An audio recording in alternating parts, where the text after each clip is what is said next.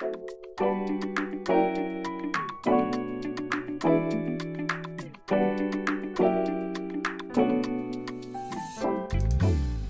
velkommen til Fantastisk helse. Mitt navn er Johan Erkle. Jeg er kokk og matentreprenør. Og mitt navn er Cecilia Fjust og jeg er spesialistlege i Sverige samt i Integrative og Function Medicine i USA. Og jeg heter Nils Per Skåra. Jeg er performance coach, kostholdsveileder og idrettsutøver. Och med den här podcasten ska vi hjälpa och inspirera dig på vägen mot en fantastisk hälsa.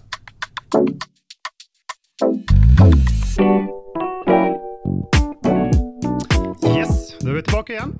Och idag ska vi faktiskt prata om ungdomshälsa med Sherry. Så välkommen Sherry. Tusen takk. Eh, Du kan väl berätta lite om eh, din bakgrunn. bakgrund. Du jobbar ju med ungdom. Hur kom det sig att du började med det? Vad var det som inspirerade dig? Eh, Det som inspirerte meg til å bli, bli gründer da, og skape Kompass og Co. sammen med Katarina, var uh, egentlig når jeg ja, To ting. Det ene var at når jeg var uh, gikk på barneskolen, så ble jeg skikkelig mobba. Uh, vi hadde fire-fem elever i klassen vår som var skikkelig fæle. Og de, den mobbingen var så alvorlig at min familie måtte flytte ut av den byen.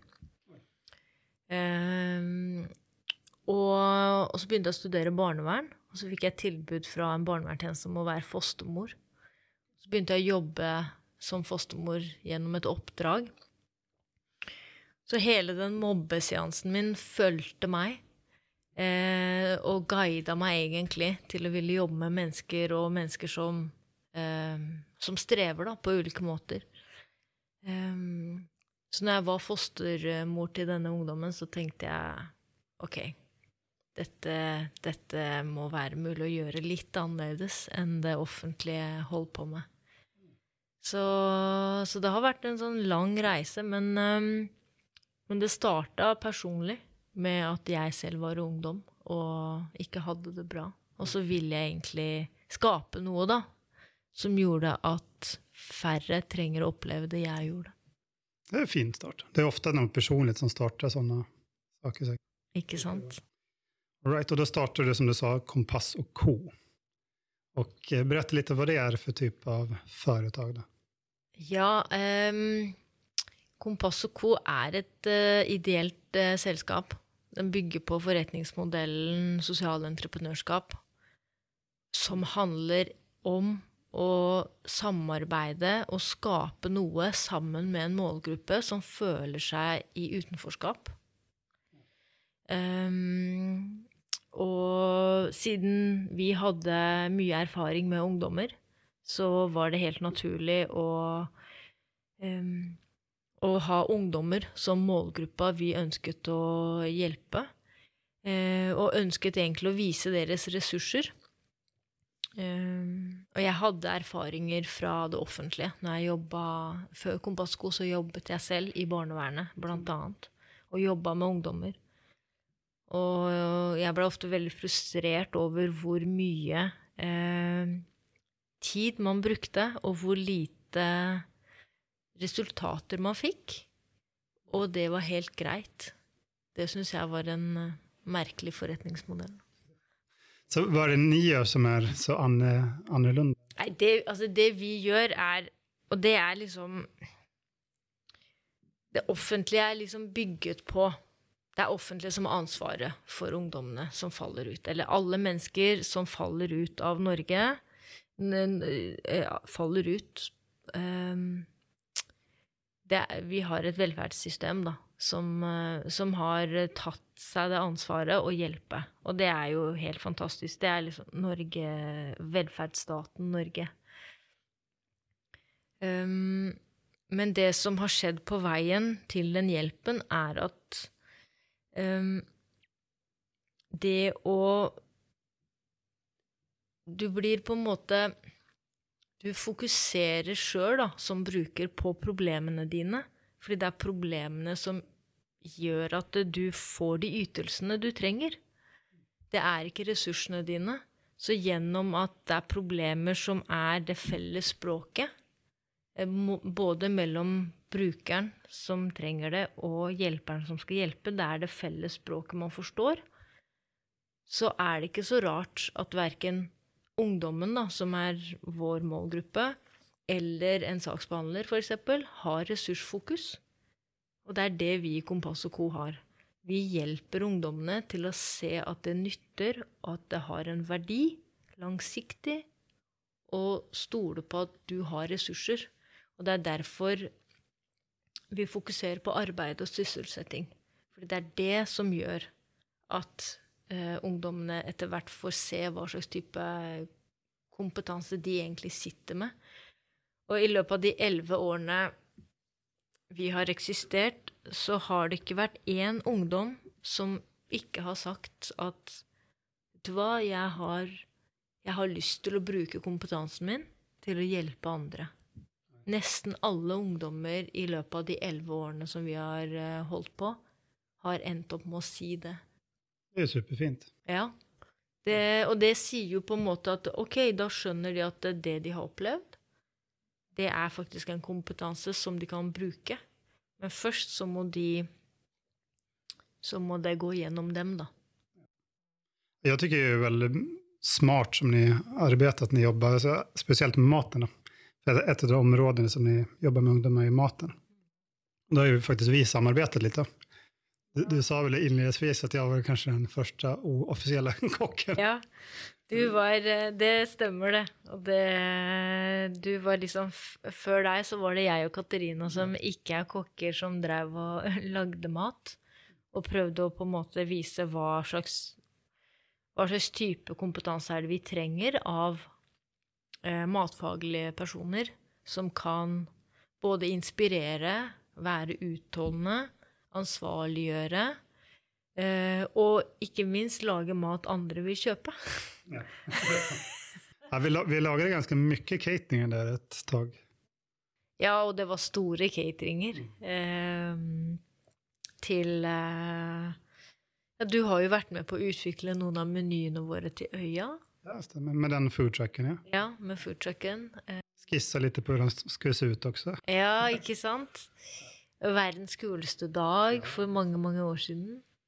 Ja, det var jo for flere tusen. Ja, flere tusen mennesker. Ja. Så ja, nei um, Altså, mat har jo vært en, eh, den arbeidsplassen, da. Eh, matproduksjon på ulike måter har vært den eh, arbeidsplassen som vi har fokusert på. Fordi det er eh, Det er veldig lavterskel. Alle kan starte med mat. Alle kan starte med å kutte noe, og det er veldig lite ting som blir feil eh, når du lager mat.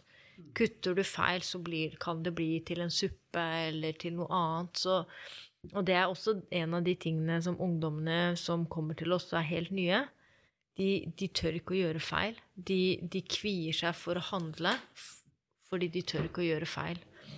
Så det er den, på en måte, den psykologiske barrieren, hindringene, eh, som vi ønsker å mm, jobbe med. Og, det, og da hjelper det at eh, vi selv er gründere og ikke er kokker. Ikke sant? Vi er ikke regnskapsførere, men vi har i mange år ført vår egen, vår egen, vårt eget regnskap.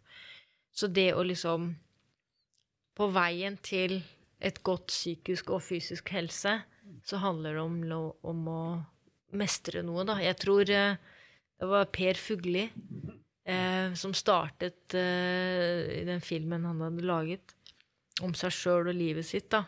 Hvor han sto foran speilet og knøyt den eh, sløyfa si. Så sier han mens han gjør det, at det er så sykt viktig at hvert menneske, når vi våkner hver dag, at vi starter med noe vi kan, og noe vi mestrer. Så gjorde han sånn, så for meg så var det å knyte denne sløyfen her. Mm. Så og, og det er liksom ehm, De ungdommene som kommer til oss, da skal de i hvert fall oppleve mestring. Men noe når de kommer inn den døra i kantina vår. Ehm, fordi i løpet av disse elleve årene Vi har jo laga mat på ganske mange forskjellige typer kjøkken. Eh, så i fjor eh, så vant vi for første gang et anbud om å drifte og ha et eget kjøkken.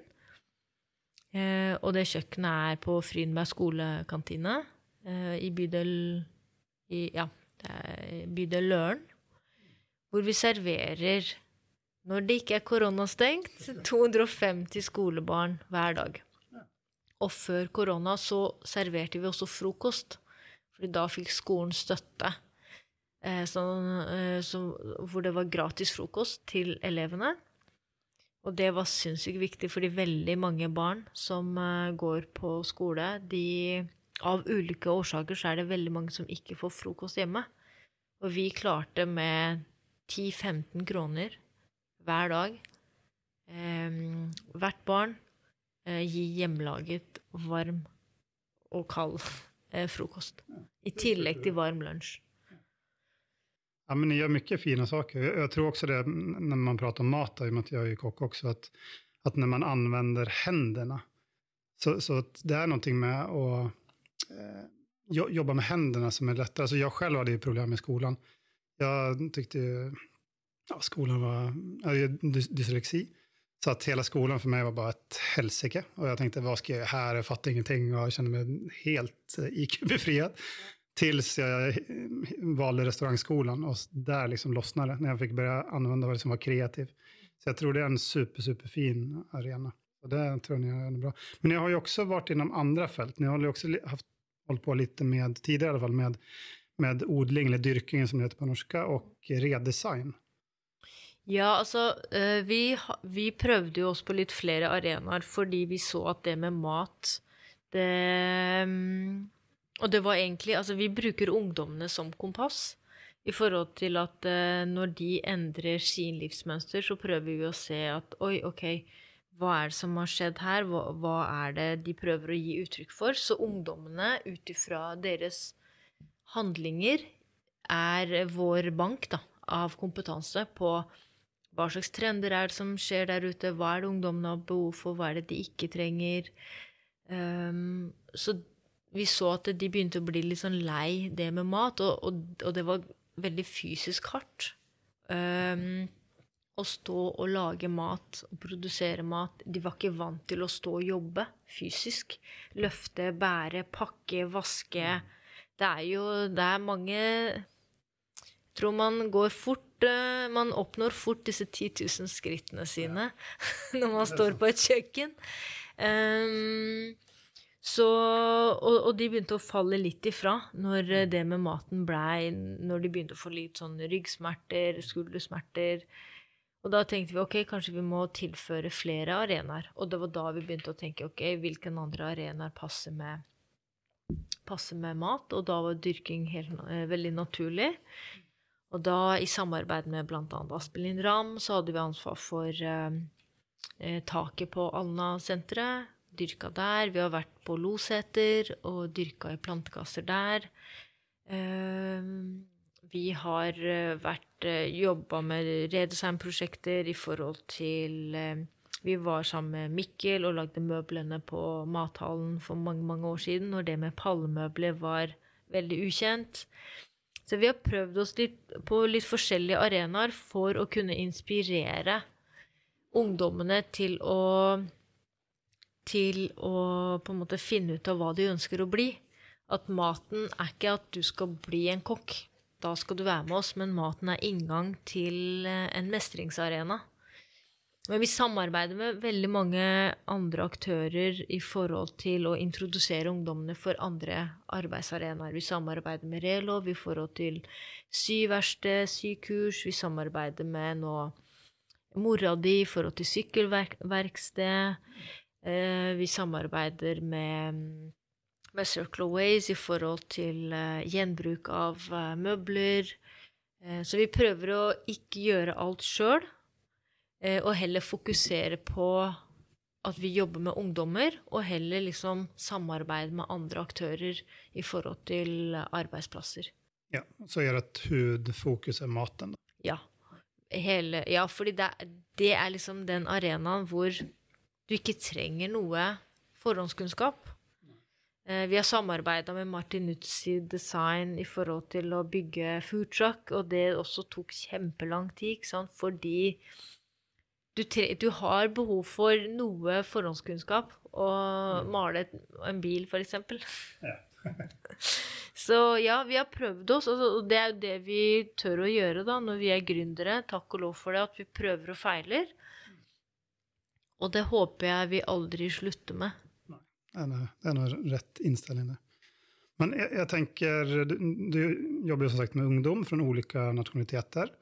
Eh, og visse av dem har jo veldig, veldig tøft hjemme. Eh, Hvordan tar disse ungdommer disse tidene med covid, når det er liksom litt shutdown, og at folk skal holde seg hjemme? Det er kanskje ikke så fint for, for dem?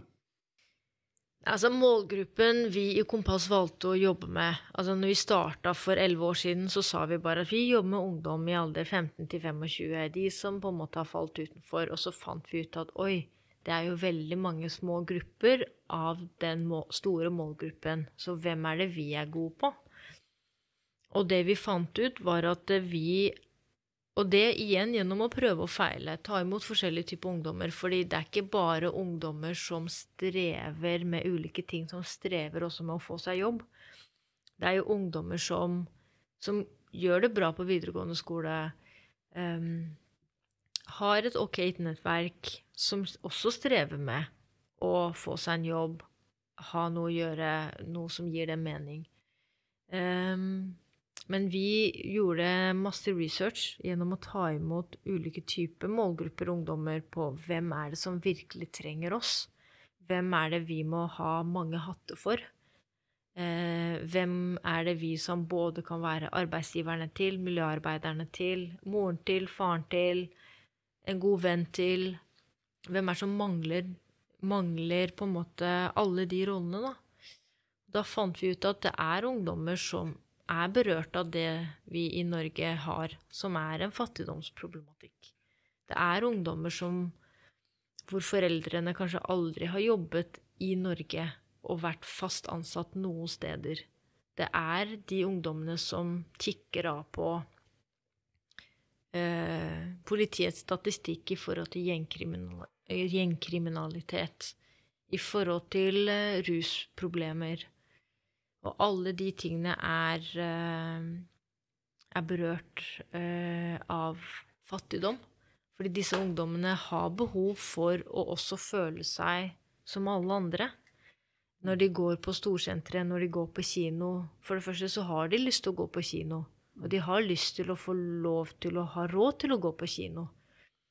Og når du har foreldre som ikke har de ressursene, de har nok med seg sjøl, fordi de også kommer fra steder De kommer uh, ofte fra steder som uh, har opplevd krig. Så de er Ungdommene vi jobber med, er ofte født i Norge, så de er andre generasjons. Men foreldrene deres kommer fra Pakistan, Thailand, Vietnam, Marokko, Somalia um, Irak, Afghanistan. Uh, og vi, vi, har noen ungdommer som også er uh, hva skal jeg si, etnisk norske, hvor begge foreldrene er, uh, er norske. Men da er det litt andre typer utfordringer. Men det med rus er veldig vanlig. Og de ungdommene vi jobber med som, som strever med rus, det er fordi de har det for tøft oppi hodet. De strever med å med tanker. De, nesten alle ungdommene som vi har jobba med, eh, de kommer til oss og strever med å sove. Fordi når du skal legge deg og være i ro for å sove, eh, så går tankene. Hva skjer i morgen? Hvordan går det med faren min? Hva med lillesøstera mi? Eh, hvis du har svart gjeld, da, som gjør at du skylder en del folk penger, og du har ikke, ikke penger, og hos Kompass og Co. så får du lønn en gang i måneden, og det kommer rett inn på kontoen din. Ikke Det blir ikke betalt eh, cash, ikke sant? Så det er også de tingene vi har opplevd, at de Min ID, folkeregistrering, skattekort, frikort, alle disse ordinære tingene som vanlig mann på gata tenker å, selvfølgelig, det skal jeg fikse, det skal jeg ha det er sånne ting som de ungdommene vi jobber med Det er faktisk hinder for, eh, for at de skal bli inkludert. Fordi det tar så lang tid for dem å få disse tingene på plass at de mister motivasjon på veien. Og da er veien kortere til å bare selge litt narkotika, oppbevare noe våpen, eh, være med på et eller annet som gjør at de får kontanter. Som gjør at de kan betale. Hvilken aldersspann prater man da? Nei, vi jobber med Altså eh, Det er lenge siden vi har hatt ungdom 15-16 år gamle, men de ungdommene vi har nå, de er rundt 18 til 23-24. Og så må jeg jo si at eh, de ungdommene vi jobber med, alle har lyst til å ha et ålreit liv. Alle de ungdommene drømmer om å kunne eie sin egen leilighet. De har ikke lyst til å gå på Nav eller være en del av barnevernet eller andre typer tilskudd, eh, til, eh, tiltak som vi har. Eh, de har lyst til å ha råd til å hjelpe sine mødre, fordi de føler en form for en, et ansvar, da. Fordi det er veldig mange Disse ungdommene har ofte mødre som har blitt forlatt av, sine, av deres fedre. Så de er, det, er, det er mange mødre der som sitter og Som har oppdratt mange av de barna her, som Som de ungdommene vi jobber med, føler et kjempestort ansvar overfor. Um, og, så det, det, jeg mener med disse mødrene, er at de har oppdratt disse barna aleine. Og ofte så er det også mange barn i hjemmet. Og da er det ikke så rart at det er ungdommene Jo eldre du blir, jo mindre plass er det til deg hjemme. Og da finner du ditt eget nettverk ute. Så, så gjør dere med en ungdom som dere vet eh, er drabbet, og den kanskje gjør kriminelle handlinger. hur løser ni det? det er jeg, nei, vi kan ikke løse altså, Det er et stort spørsmål hvordan vi løser det. Det vi prøver å gjøre, er at Vi prøver å For det første så I starten så prøver vi å skape et godt, en god relasjon. Uh, og så har vi jo våre triks. Altså Triks er at vi har våre måter å være på som gjør at det er kjempelav terskel veldig lav terskel for å komme. Um, og vi opplever at de første tre månedene er superviktige. Det er ingen ungdommer i løpet av disse elleve årene som noen gang har uh, fått sparken. Men de har falt ut. Men de har ikke fått sparken. Det er ikke derfor de har falt ut. De har falt ut fordi deres livssituasjon og forhistorie har eh, håndta dem, da. Eh, som har gjort at de har ikke klart å De har ikke hatt ro til å lære. Og det er det vi prøver å hjelpe dem med. At når de kommer inn i den kantina, så er det vekk med telefon, vekk med det gamle livet ditt. I noen timer hos oss så kan du lære, bli inspirert. Vi spiser eh, alltid, alltid, alltid, alltid. Eh, har et godt måltid. Og prøver å bli kjent. Og i tillegg så skal du få lønn. Så det er sånn det starter. Og da slutter de forhåpentligvis med disse kriminelle handlinger, da? Ja, eh, altså, ja det, de, de, det tar lang tid å slutte med det, mm. men de gjør det færre ganger. Uh, de har, og de har jo lyst til å slutte, men, men um, erstatningen er ikke bra nok, da. Ennå. Fordi det handler også om at de mestrer det. Eh, det er et liv de mestrer. Og for at de skal slutte med det de mestrer, selv om det er på en måte for fremtiden deres, så er det veldig dumt. Men for nåtiden deres så er det overlevelse. Um, da må på en måte Og det er det vi, vi, prøver samtidig som vi jobber med den ungdommen, så prøver vi også å fortelle og forklare og være en brobygger til det offentlige eh, om hvem disse ungdommene er. som gjør at det offentlige faktisk blir litt kjent med dem. Um, og på, den, på, samme måte klare å i, iverksette gode nok tiltak rundt de ungdommene, sånn at ungdommene igjen også får tilliten tilbake til det offentlige. Så, hele, så i starten så er det bare Vi må bare bygge den tilliten, fordi risikoen for at ungdommen eh, på en måte eh, ja, Risikoen for å falle tilbake er så eh, stor og terskelen er så lav. Eh. Men litt som jeg frågade inledningsvis, då, så, när du forklarer litt om ungdomar, men hur påverkar den situasjonen vi befinner oss i nå, disse ungdomar? De har, de har jo veldig tøft utgangspunkt. Så hvordan har de det nå? Altså, generelt Generelt de ungdommene som, selv om de ikke er i Kompass og Co., altså sånn generelt alle ungdommer som er Som vokser opp i sårbare omgivelser, eh, har det ganske tøft nå fordi de stedene som på en måte de har pleid å henge, som skoler, selv om de kommer for seint, så henger de på skoler. Fordi de bruker skoler som en sånn sosial arena. Selv om de kommer fem timer for seint på skolen, så henger de fortsatt på skolegården. De har ikke noe annet sted å være. Fritidsklubber, som er også stengt. Kjempesårbart. Eh, storsentre og sånt er også steder de henger på. Eh, det er fortsatt åpent. Eh, de, og det at vi skal liksom holde den meteren, eller nå helst to eh,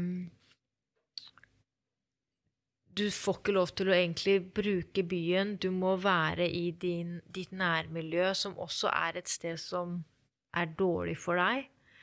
Eh, og helst så skal du være hjemme, hvor det i utgangspunktet ikke var plass til deg, fordi det er for lite leilighet. Eh, og du har småsøsken, og kanskje de har hjemmeskole. Eh, så det er veldig mye frustrasjon ute og går. Eh, I forhold til narkotika så har jo narkotika Det er jo eh, tørke i Oslo, som de pleier å si nå. Eh, så narkotikaprisene er jo skyhøye. Det som har skjedd, eh, som jeg har fått vite gjennom det nettverket jeg har, er at prostitusjon har økt betraktelig fordi man betaler gjennom å prostituere seg.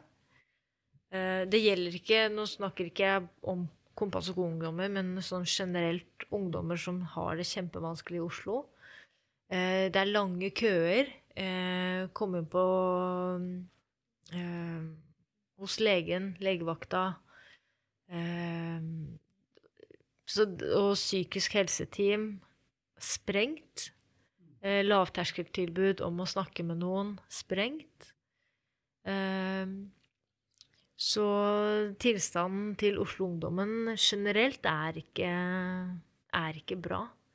Og jeg er takknemlig for at vi, er, vi har hatt, tatt på oss den arbeidsgiverhatten som gjør at vi kan fortsatt holde åpent. Og det er takket være at vi kan servere lunsj i kantina, på skolen, selv om det er færre eh, elever. Og vi har også nå en del cateringkunder, ikke så mange som vi skulle ønske, som gjør at ungdommene kan fortsette å komme til oss. Fordi hvis vi hadde vært en aktivitetshus som bare hadde holdt åpent, så hadde vi også måttet stenge. Men er alle dere ungdommer i jobb nå? Ja, det er jo veldig fint. Alle ungdommene hos oss er i jobb, og det er vi så takknemlige for. Har dere noe ekstra sånn støtte, support, med tanke på? Vi skulle jo ønske at vi fikk driftsstøtte av Oslo kommune, som gjorde at vi hadde en, eh, noe basis. Eh, fordi det har vi ikke. Vi blir sett på som en privat selskap eh, i konkurranse med både det offentlige, andre sosiale entreprenører og private kommersielle selskaper.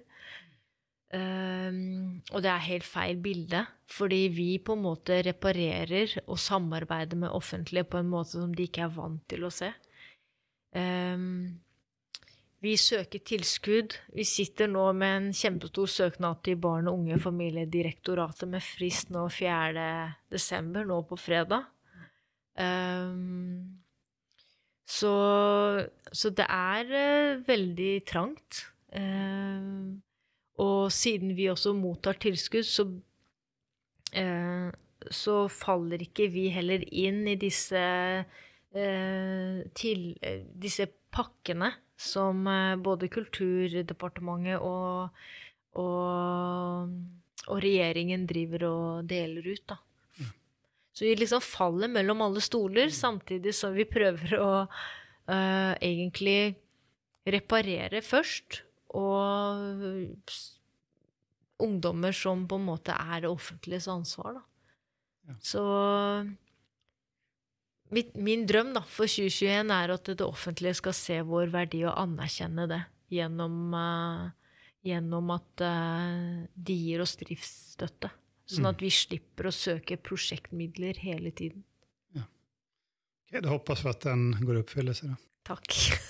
Yes. Nei, men jeg tykte det var Er det noe du vil Nå har vi pratet et bra tag, er det noe du vil legge til, som f.eks. om din ungdom, er det noe vi har glemt å prate om? Altså, det som Det som eh, Det er to ting som jeg syns er litt viktig å si. Det ene er at eh, en av våre suksessfaktorer er at vi jobber med et samfunnsproblem og et miljøproblem. Det inspirerer ungdommene. Det at ungdommene får lov til å føle at uh, de er en del av et større bilde, det gir dem på en måte tro på at det vi holder på med, er et ordentlig prosjekt. Og det er noe de ikke er vant med av vanlige, ordinære tiltak som de, er, de har blitt eh, satt inn i i mange år, og også deres foreldre. Det vi ikke må glemme, er at disse ungdommenes foreldre er jo også forbilder for ungdommene. Så hvis foreldrene deres har dårlige erfaringer med å få hjelp av det offentlige, så har det smittet over på dem. Eh, og nummer to vi jobber absolutt med ungdommenes psykiske helse, men det er først gjennom fysisk arbeid. Eh, vi opplever nå, etter ungdommer som har vært hos oss etter åtte-ni år når, eh, når, de kommer og er hos oss, det er nå de på en måte blir nysgjerrig på at spise sunt, trene Kanskje jeg skal uh, trene før jeg kommer på jobb. Fordi nå har de en form for en trygghet og en basis og en ro som gjør at de slipper å være på overlevelse. At nå kan de endelig leve. Og det er da de begynner å våkne og tenke at Oi, kroppen min Det er kanskje litt mindre sukker Altså Men det har tatt så lang tid, da, fordi de har vært på overlevelse, og, og det er og nå snakker jeg bare og det, og det, her tror jeg gjelder veldig mange ungdommer som det offentlige har ansvar for på ulike måter. Så liksom veien til god helse da, for ungdommer som, eh, som vokser opp i sårbare omgivelser, hvor det med å ikke ha mat er, er et spørsmål du må stille deg hver dag, så er det med sunn og god helse det er så langt unna. Som igjen blir et kjempestor kostnad for det offentlige eh, når disse her ikke er ungdommer lenger. Jeg ser det.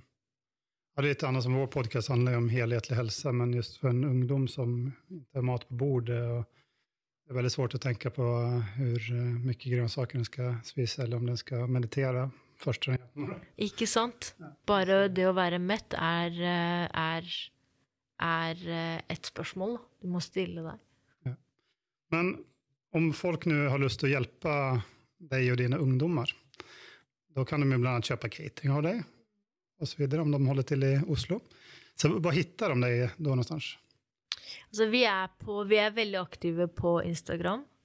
Eh, vi har en nettside. Um, vi er eh, aktive på Facebook. Um, så de kanalene kan de både um, søke oss opp på, få litt mer informasjon, Ehm, I tillegg til at ehm, at de kan like oss og heie på oss. Og... Ja. Så hva heter, hva heter kontoet på Instagram? Det heter vel eh, Kompass og Co, tror jeg. Ja, Kanskje man kan bare google det. Kompass og Co Instagram. Så. Kompass og Co Instagram. Ja, Siden er kompass. og Co.no er nettsiden vår. Og på Facebook så er det Kompass og Co.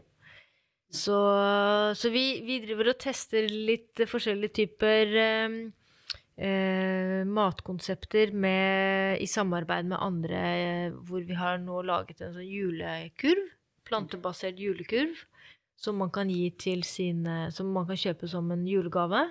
I tillegg så har vi laget et konsept som heter digital julelunsj. Basert på overskuddsråvarer, fordi det er også en av de tingene vi jobber med. Vi jobber med overskuddsmat. Det betyr ikke at vi jobber med søppelmat, men, eh, men eh, mat som av ulike merkelige årsaker eh, har gått ut på Ikke nødvendigvis gått ut på dato, men av ulike årsaker ikke kan selges i butikken. Så gir vi en eh, ny, ny kjærlighet til, til den maten som gjør at den kan videreforedles. Da. Ja, det kommer det gjorde vi back in the day när vi samarbetade lite också. Det var mycket sånn överskottscatering. Det var veldig, veldig fint at det var saker som egentlig kanskje skulle kastes. Da. Som var helt fina. Ikke sant? Vi, har, vi samarbeider jo med Altså, det, det, å, det å bli bevisst sine sanser, det er på en måte eh, Hvis du ønsker å gjøre noe for miljøet, så er det med å kaste mindre mat gjennom å bruke sine sanser, det er liksom første bud. Vi, vi i Norge kaster liksom hver tredje handlepose. Det er helt hårreisende. Det er skammelig. Det trenger vi ikke å gjøre. Um, så så det, det som cateringkonsept inspirerer ungdommene. Fordi det også gir dem samtidig kunnskap om, uh, om overskuddsmat som de kan bruke når de lager mat hjemme. Så den kompetansen tar de med seg. Ja, jeg kaster aldri mat. Jeg er allergisk mot å kaste mat. Og jeg er ganske kreativ på å anvende mat også. Det kjenner du til også. Men eh, superbra snakk. Om man skal kjøpe den der eh, eller den eh, lådan, då går man inn på, den hittar du både på Instagram-kontot og på er hemsida räknar jag med da? Ja, eh, og, og så er det mulig å sende en e-post. Så kommer man direkte til vår sånn catering-mail, og det er eh, catering at kompassmat.no.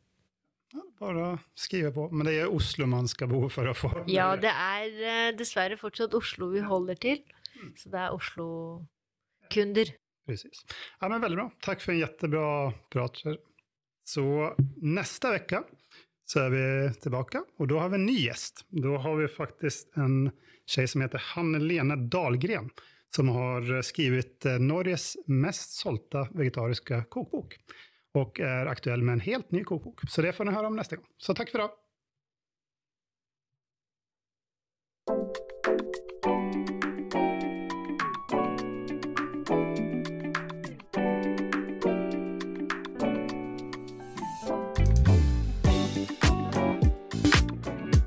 Tack för att du satte av dig tid till att lyssna på vad vi hade att säga. Om du har några frågor till kommande avsnitt så hittar du in från dessa avsnitt på vår Instagramkonto, fantastisk halsa i ett ord.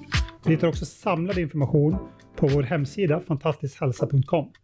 Vi tackar för oss från vår studio i Vollebäckfabriken i Oslo. Ha en fantastisk dag!